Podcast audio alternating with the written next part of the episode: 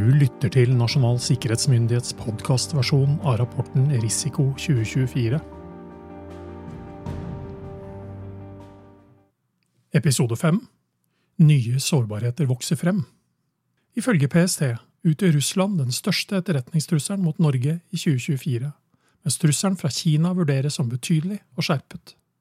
Den kinesiske applikasjonen TikTok fikk mye medieoppmerksomhet i 2023 men NSM vurderer at det er det totale kinesiske fotavtrykket i Norge som utgjør en betydelig risiko for nasjonal sikkerhet. Eksempelvis vil den grønne omstillingen være avhengig av både mineraler og komponenter som i utstrakt grad kommer fra Kina. Kina står bak om lag 60% av verdens gruveutvinning av sjeldne jordarter, og 99,9% av utskillingen av tunge sjeldne jordarter.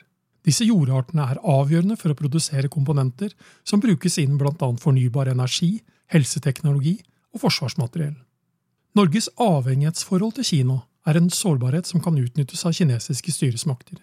Det er derfor en nasjonal sikkerhetsrisiko at verdier og grunnleggende nasjonale funksjoner i Norge er avhengig av, eller kan påvirkes av, stater som utgjør en betydelig trussel mot Norge. Disse verdiene og funksjonene må fungere i fred, krise og krig. Skulle kritiske leveranser fra Kina opphøre grunnet handels- eller sikkerhetspolitiske forhold, vil det kunne ramme norske virksomheter så vel som nasjonale sikkerhetsinteresser. Informasjonsboks mistet leverandørklarering. Endringer i eierskapsstruktur kan medføre risiko for at sikkerhetsgradert informasjon tilflytter uvedkommende. Derfor er det ingen automatikk i at leverandørklareringer overføres fra ett selskap til et annet ved eierskifte. Oslo Patentkontor AS hadde klarering til å forvalte sikkerhetsgraderte patenter.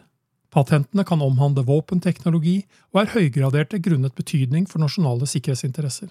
Det er informasjon som er av særlig interesse for bl.a. kinesisk etterretning. Da patentkontoret ble overdratt til et annet selskap med koblinger til et kinesisk partnerselskap i 2022, utløste det tilsyn fra NSM.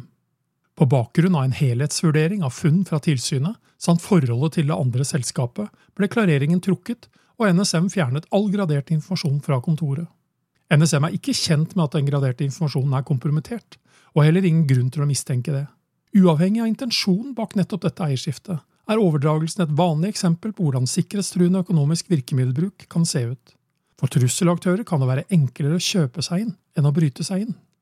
Derfor oppfordrer NSM virksomheter til å risikovurdere endringer i eierskapsstruktur og rådføre seg med NSM i forkant av eierskapsendringer. Virksomheter med leverandørklarering er derimot lovpålagt å informere NSM om endringer i eierskapsstruktur.